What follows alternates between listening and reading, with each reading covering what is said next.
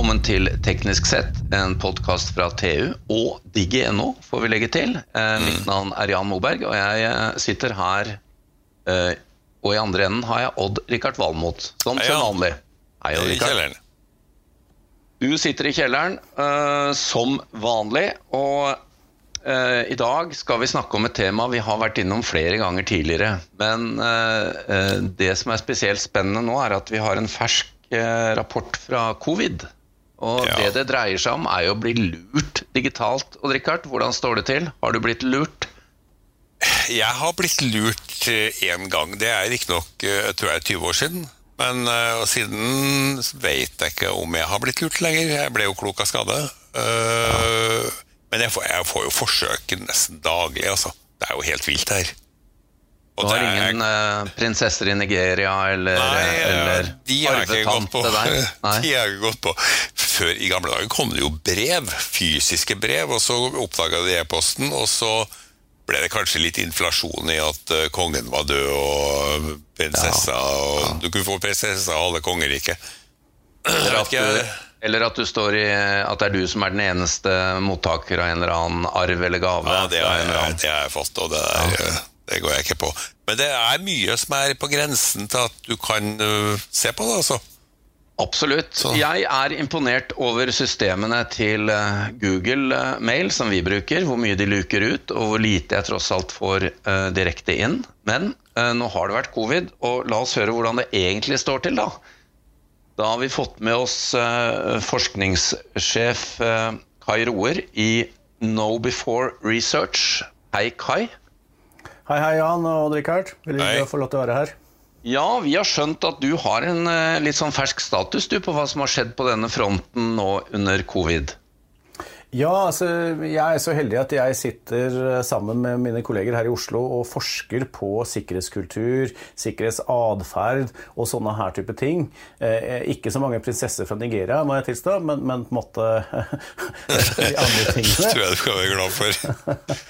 uh, og, og en av de tingene vi gjør, er jo å gi ut en årlig rapport som vi kaller Sikkerhetskulturrapporten, eh, bortsett fra på nynorsk, så den heter Security Culture Report.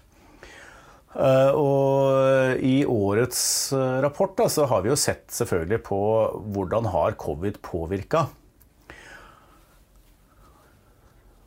Ja, for det har skjedd en endring. Ja, det er jo det store spørsmålet, da. Har det skjedd en endring? Har vi blitt påvirka av, av covid? Eh, og dessverre vil jeg vel si at eh, for de aller fleste bransjer så har ikke sikkerhetskulturen deres endra seg i noe særlig grad. Eh, og dessverre er rett og slett fordi det er ingen eh, industrier, eller bransjer, da, i vår rapport med over 320 000 respondenter rundt i hele verden. det er ingen av de som har det vi kaller en god sikkerhetskultur. Heller ikke aldrende teknologijournalister. Eh, Jeg har ikke målt det, men det kan vi godt gjøre, vet du. Eh, og, og, og derfor, altså Jeg hadde jo håpa å, å se at noen av disse eh, bransjene faktisk tok et jump opp fra eh, middelmådig kultur, som vi kaller det, opp til eh, god kultur. Eh, men, men det har vi altså ikke sett. Men når det er sagt, så er det ikke bare dårlige nyheter. Eh, en av de bransjene som konsekvent har gjort det dårligst de siste fem åra, det er utdanningssektoren. Det Ja, har ok. ligget på bånn av rankinga vår hvert eneste år. Altså, da snakker du om universiteter, høyskoler og både, både studenter og akademia, eller? Ja, og barne... Altså hele utdanningssektoren. Ja. Ja. Så, så um, barne- og ungdomsskoler også, videregående også. Så, så det er ikke bare um, høyere nivå. Uh, det, det vil si at vi kan ikke bare skylde på, på akademia. Vi må uh, faktisk ta inn over oss at dette er et mye breiere samfunnsproblem. Ja. Eh, Men det interessante da med, med den sektoren det er at nå har de faktisk eh, gått opp eh, et par poeng. Og da også blitt, eller fått en bedre, mm, bedre klassifisering. Det er fortsatt helt i bånn av lista vår. Men, men vi tror at det er en av de positive resultatene som vi har av covid. Fordi eh, den bransjen har jo tradisjonelt sett vært ganske treg med å ta i bruk ny teknologi. Selv om vi har lest om de som bruker iPads og sånt nå, så, så er, har det vært unntakene. Eh, både de ansatte, eh, administrasjonen, lærere eh, har ofte vært litt sånn Nei, nå kommer det noe nytt, det, det tar vi neste år. Og så blir det aldri i år. Eh, mens nå med covid så var det sånn Ja, nei, vi har ikke noe klasserom lenger, nei. Da må vi jo faktisk ta i bruk teknologien. Og det tror vi har vært en, en viktig bidragsyter til at de har blitt flinkere. Men hva, hva, tror du kommer til å skje hvis, eh, hvis de kommer tilbake, nei, når de kommer tilbake til klasserommet igjen, da? Og ikke blir så digitale lenger? Jeg, jeg vet ikke. Uh, men jeg håper at Eh, vi også i den sektoren får det vi snakker om på mange andre sektorer, mer en sånn hybridmodell. Eh, sånn som når vi snakker på, på kontoret, at eh, en større andel av de ansatte vil få lov til å kunne jobbe hjemmefra. Og, og kanskje ikke lenger faste kontorer og sånne type ting. Og, og la oss håpe da at også utdanningssektoren kan uh, leke med sånne type scenarioer. At kanskje man har en dag så sitter man hjemme, eller uh, gjør, altså, måtte bruke teknologien da, og, og da også uh, få med seg sikkerhetsopplæringa. Hei, denne rapporten, vi må jo nevne det du sa jo at den var på ikke, ikke på bokmål. Eh, det selskapet du er ansatt i, No Before Research, er altså ikke norsk, men har en norsk forskning, en forskningsavdeling i Norge. Men dere er jo 1100 ansatte internasjonalt, med eh, hovedkvarter i USA som mange andre. Eh, og den rapporten du viser til, er jo da en internasjonal studie, regner jeg med? Ja, det er korrekt. Ja. Dette det vi gjør, da, det, det, er at vi samler inn data gjennom, gjennom våre kunder. Eh, dette anonymiseres, og så analyserer mitt team det eh, her i Oslo. Og så lager vi da denne globale benchmarken. Ja. Så må jeg spørre deg litt mer konkret. Eh, jeg nevnte jo innledningsvis at jeg som, sånn, ja, som bruker da, er egentlig ganske fornøyd med disse filtrene som e-postleverandøren bruker.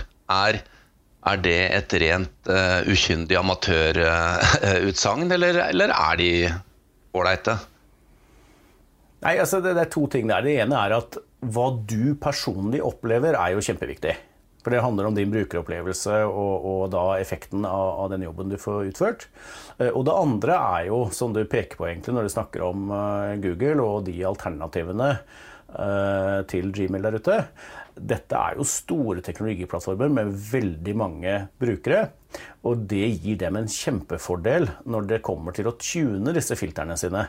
Fordi de fanger opp bevegelsene når ting er på vei inn i din e-poste og eller e-postkasse og 10 000 andre sine e-postkasser samtidig, så kan de se at ah, ja, okay, her er det en 99,99 ,99 sannsynlighet for at dette er tull, og så flagger vi det som spam eller phishing-forsøk. Så, så, jeg personlig er helt enig med deg. Eh, teknologi brukt sånn som dette her, det er helt genialt. Ja. Men uh, likevel så uh, gikk det galt på Stortinget for ikke lenge siden. Eh, det er jo ikke lett, da, selv for proffe organisasjoner, å, å eh, holde seg på matta. Vi har eksempler fra Hydro. Hva er det som går galt? Nei, altså, eh, det er jo mange ting som går galt. En av tingene med, med government-sektoren som du peker på med, med, Stortinget, det er at de sammen med education ligger jo helt i bånn på lista vår når det kommer til sikkerhetskultur. Og det, for oss i begynnelsen var det litt overraskende, for vi tenkte at jo, men her har man jo sånn som Forsvaret, man har NSM og man har en del sånne myndigheter som, som kan sikkerhet. Eh, men så må man minne seg på at jo, men dem er jo, i det store bildet da, så er det tross alt ikke så mange av dem. Resten av offentlig sektor eh, er nok de, de henger litt etter, da, kan vi si. Eh, og hvis du da ser på Stortinget, da. En av de tingene som kom opp, det var jo at de har jo diskutert sikkerhetskontroller. Og, og til og med hatt en plan på å implementere tofaktorautentisering. Men det gjorde de ikke. Altså de måte, ja, det må vi gjøre neste år, eller en eller annen annen gang. For ja. vi, vi, det, det, er ikke altså, I praksis, da. Det er ikke viktig nok i vår uh, analyse. Og da tenker jeg at ja, det, det, betyr jo ikke at det ikke er viktig nok, det betyr bare at de forstår ikke hvor viktig det faktisk er. For Hadde de gjort det på forhånd, ja, da hadde de ikke venta seks måneder eller planlagt for neste år å implementere sikkerhetskontroller. Da, da hadde det blitt gjort for lenge siden. Ja, Mitt inntrykk er jo, dette stå, må få stå for min regning, men at, at, Microsoft fikk litt mye pisk litt kjapt. Men øh, vi er nødt til å spørre deg og øh, Kai, fordi mye er teknologi her. Men dette å lokke folk utpå, da, det dreier seg mye om å trigge basisen i oss psykologisk òg? Ja, Det er jo det vi kaller det, altså, det vi ser på. Og det er det som teamet mitt spesialiserer seg på. Eh, jeg har jo ingen teknologer ansatt hos meg. Jeg har psykologer. Ah. Eh, jeg har matematikere fordi vi snakker om enorme datamengder. Eh, og det vi er interessert i, det er jo nettopp å finne ut hva er det med oss mennesker som når vi Eh, bruker denne teknologien, gjør oss så utrolig gullible, som det heter på nynorsk. Uh, naive. Uh, tillitsfulle. Som gjør at vi Å ja, nei, men nå får jeg jo en e-post fra en prinsesse i Nigeria. Hvis hun er søt, så er vel det greit, det da. Og så får jeg et halvt kongerike også. det er mange prinsesser i Nigeria, har jeg skjønt. Ja.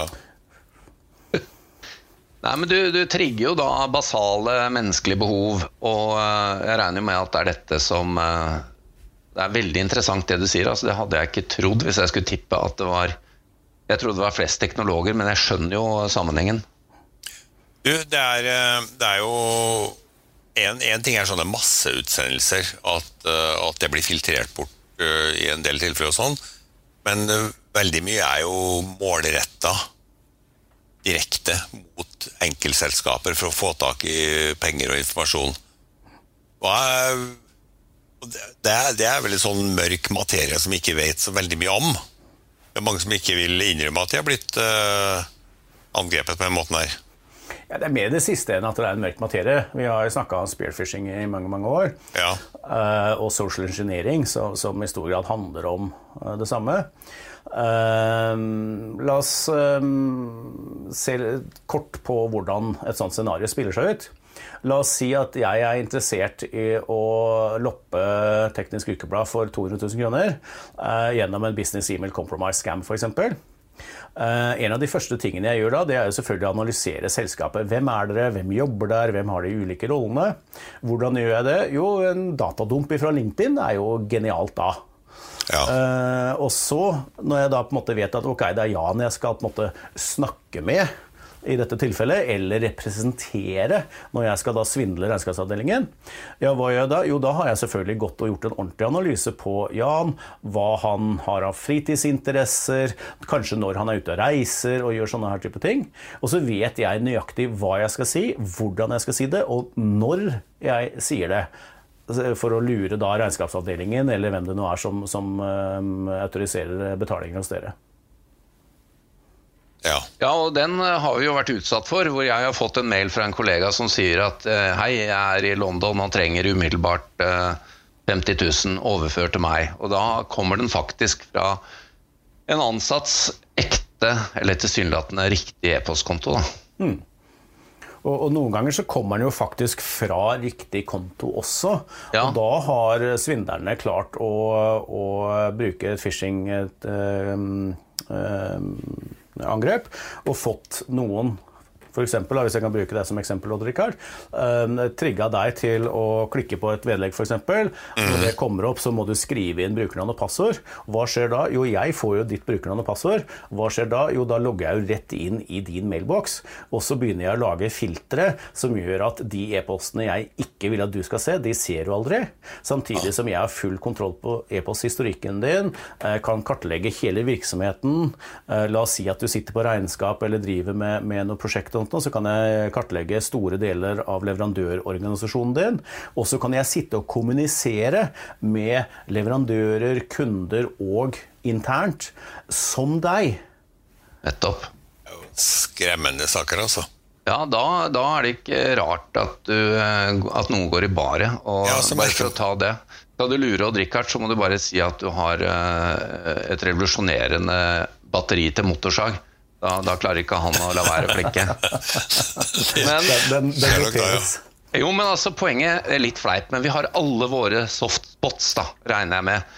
Ja. Og, og, det er jo viktig å ikke sitte her og, og, og tro at ikke jeg kan gå i bar òg. Men det må jeg spørre deg om, Kai. Du var inne på LinkedIn. Eh, nå har det ja, det går jo nyheter nå daglig om Facebook, hvor det har vært såkalt uh, skraping av telefonnummer. Det samme på Clubhouse, og du nevnte LinkedIn. Skal vi være overrasket? Nei, jeg syns ikke det. Eh, og, og, det er rett og slett fordi teknologien, altså disse sosiale medieplattformene, de er jo laget med ett formål for øye, eller to formål for øye. Eh, formål nummer én er jo selvfølgelig å generere eh, profit for, for de som står bak det. Men, men, men, formålet fra vårt sted som brukere, det er jo å få tilgang til og å dele informasjon om oss og våre interesser. Ja. Det, er det, det, er det, disse plattformene brukes til. Fordi disse plattformene er en utvidelse av det offentlige rommet. Eh, og selv om du må logge på for å identifisere deg, så er all informasjon du deler, tilgjengelig per definisjon for alle mulige andre mennesker. Og da blir jo da spørsmålet eh, La oss si at jeg vil vite noe om deg, Jan. Ja, fint, da kan jeg gjøre det manuelt. Da kan jeg gå inn på dine profiler, jeg kan søke litt på Google og sånt òg. Men la oss si da at scenarioet mitt er Jeg sitter i f.eks. Ja, et eller annet land som ikke vi nevner i dag. Uh, og så er jeg interessert i å finne sånne som deg. Jeg vil finne administrerende direktører i selskaper og bransjer der det er rimelig antatt at jeg kan få en utbetaling på en halv million kroner hvis jeg investerer litt. Lettlurte administrerende direktører. Nei, det handler ikke om lettlurte. Det, det, handler ikke om det. det. det. handler om at vi trigger deg til å gjøre ting vi vil, uten at du merker det sjøl før det er for seint. Ja, nettopp. Og, og det, er, det er nøkkelen her, da. ikke sant? Men, men, og det hvordan... lille steget for langt, uten at du egentlig reflekterer over det. Yes. Ja. Og, og det er den psykologiske siden. Men før jeg kommer dit, så må jeg finne ut hvem Jan skal jeg ta. Og da har man uh, spearfishing, som, Odd Rikard uh, mente. Da har jeg på en måte allerede identifisert deg, og så på en måte tar jeg deg. Men alternativ to det er jo å hyre inn et team i et lavkostland. Uh, og få dem til å bygge meg et lite skript som henter inn all informasjonen på kanskje en million mennesker. da. Eller var det en halv milliard? Var det det som var tallet? Og så kan jeg gå gjennom den dataen og så kan jeg veldig fint, eh, veldig raskt, finne de 10 000 janene, da. Og så kan jeg tilpasse en kampanje, eh, til og med skriptere, sånn at du får ting som er relevant for den janen, og en annen jan får ting som er relevant for den andre. Og på den måten øke sannsynligheten for at jeg får avkastning på min investering. Eller sagt på en annen måte, sannsynligheten for at jeg klarer å lure deg til å gjøre det jeg vil at du skal gjøre. Det er, jo, det er, jo, egentlig veldig enkelt når du beskriver det. Og, og, som du var inne på her, her er det jo da en industri da, som sitter ute internasjonalt villig tar oppdrag, har jeg skjønt? Ja.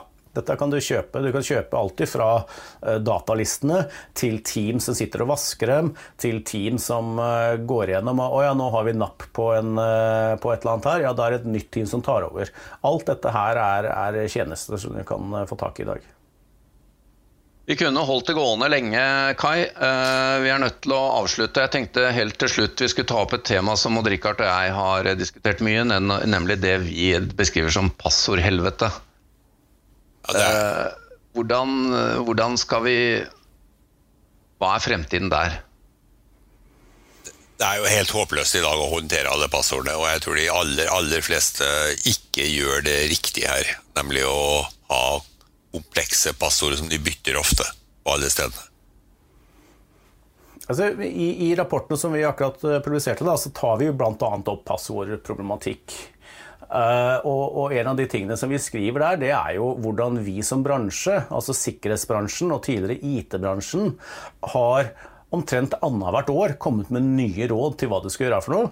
Og i hvert fall hvert femte år eh, kommet med råd som er på tvers av det vi prøvde å lære deg opp for fem år ja. siden. Ja. Eh, og, og, og, det betyr at vi som bransje har jo da bitt oss selv i foten. Ehm, så, så, så, og det er et problem som jeg tror vi må ta tak i. Det andre er at vi må forstå hva er, det vi egentlig, altså hva er problemet egentlig. Hvorfor bruker vi passord, hva trenger vi dem til? Og så kan man begynne å se på alternativer. Uh, og, det finnes masse gode forslag og ideer til hva man kan gjøre for noe uh, for å uh, bli kvitt passord. Eh, men ingen av de kommer til å være på plass i en skala som, som, gjør at de fleste av oss kan bruke dem eh, på tvers av de flatene vi er på, de neste i hvert fall ikke fem år, antageligvis ti, om ikke lenger. Eh, og Det betyr at i mellomtida så må vi hver enkelt av oss og hvert enkelt foretak der ute finne en løsning som vi kan akseptere. Og Den løsningen tror jeg heter uh, password management. Dvs. Si en eller annen form for software som du bruker til å generere og lagre unike, helst lange, avanserte passord for hver eneste tjeneste du bruker. Og om ikke du klarer å lage lange, avanserte, pass i hvert fall på at du gjør dem unike. Ja. Du har jo slike tjenester i dag, slik som LastPass og, og sånt. Uh, og det er, det er mange flere også. Og Da kan du jo tromme inn utrolig lange passord, og så huskes de for deg. Men hvor sikkert er det egentlig? Det er mye sikrere enn huet ditt. Ja, det okay. tror jeg nok. Når du snakker om unike passord, så mener du unikt passord per tjeneste? Helt korrekt. Og det betyr jo at jeg eh, ønsker å, å redusere antallet sånne klubber og, og, medlemsprogrammer jeg er med i, for det går jo helt i ball. Jeg kommer jo ikke til å klare det, det er ikke menneskelig å klare. Nei, Alternativt så bruker du da en password manager som gjør at ja. du klarer ja. eh, altså Ansatte i småbedrifter, eh, og da snakker vi amerikansk størrelse, så opp til 250 ansatte ca.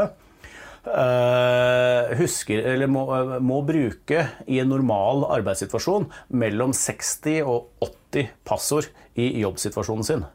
Yes, ja. Vi har ikke begynt å telle, men det skal vi jammen gjøre. Kai Roer, vi kunne holdt på lenge. Jeg foreslår at vi bare avtaler eh, å møtes igjen, ja, for her må vi snakke mer. Dette er jo både viktig og interessant. Eh, tusen takk for at du stilte opp hos oss. Takk til Odd-Rikard Valmot, takk til vår produsent Sebastian Hagemo, og mitt navn er Jan Moberg. Dersom du ønsker å konsumere enda mer innhold fra oss i TU.no og Digi.no, anbefaler vi at du blir abonnent. Det vil gi deg tilgang til alt vårt innhold innen energi, elektrifisering, forsvar, fly, samferdsel, byggenæring, industri, maritime næringer, karriere og mye, mye mer fra vår kyndige redaksjon. Du vil da også få tilgang til alle sakene Odd-Rikard skriver om sine 687 favorittområder. Vi har også egne avtaler for bedriftsabonnement, og som om ikke det var nok, medlemmer av Nito og Tekna for halv pris.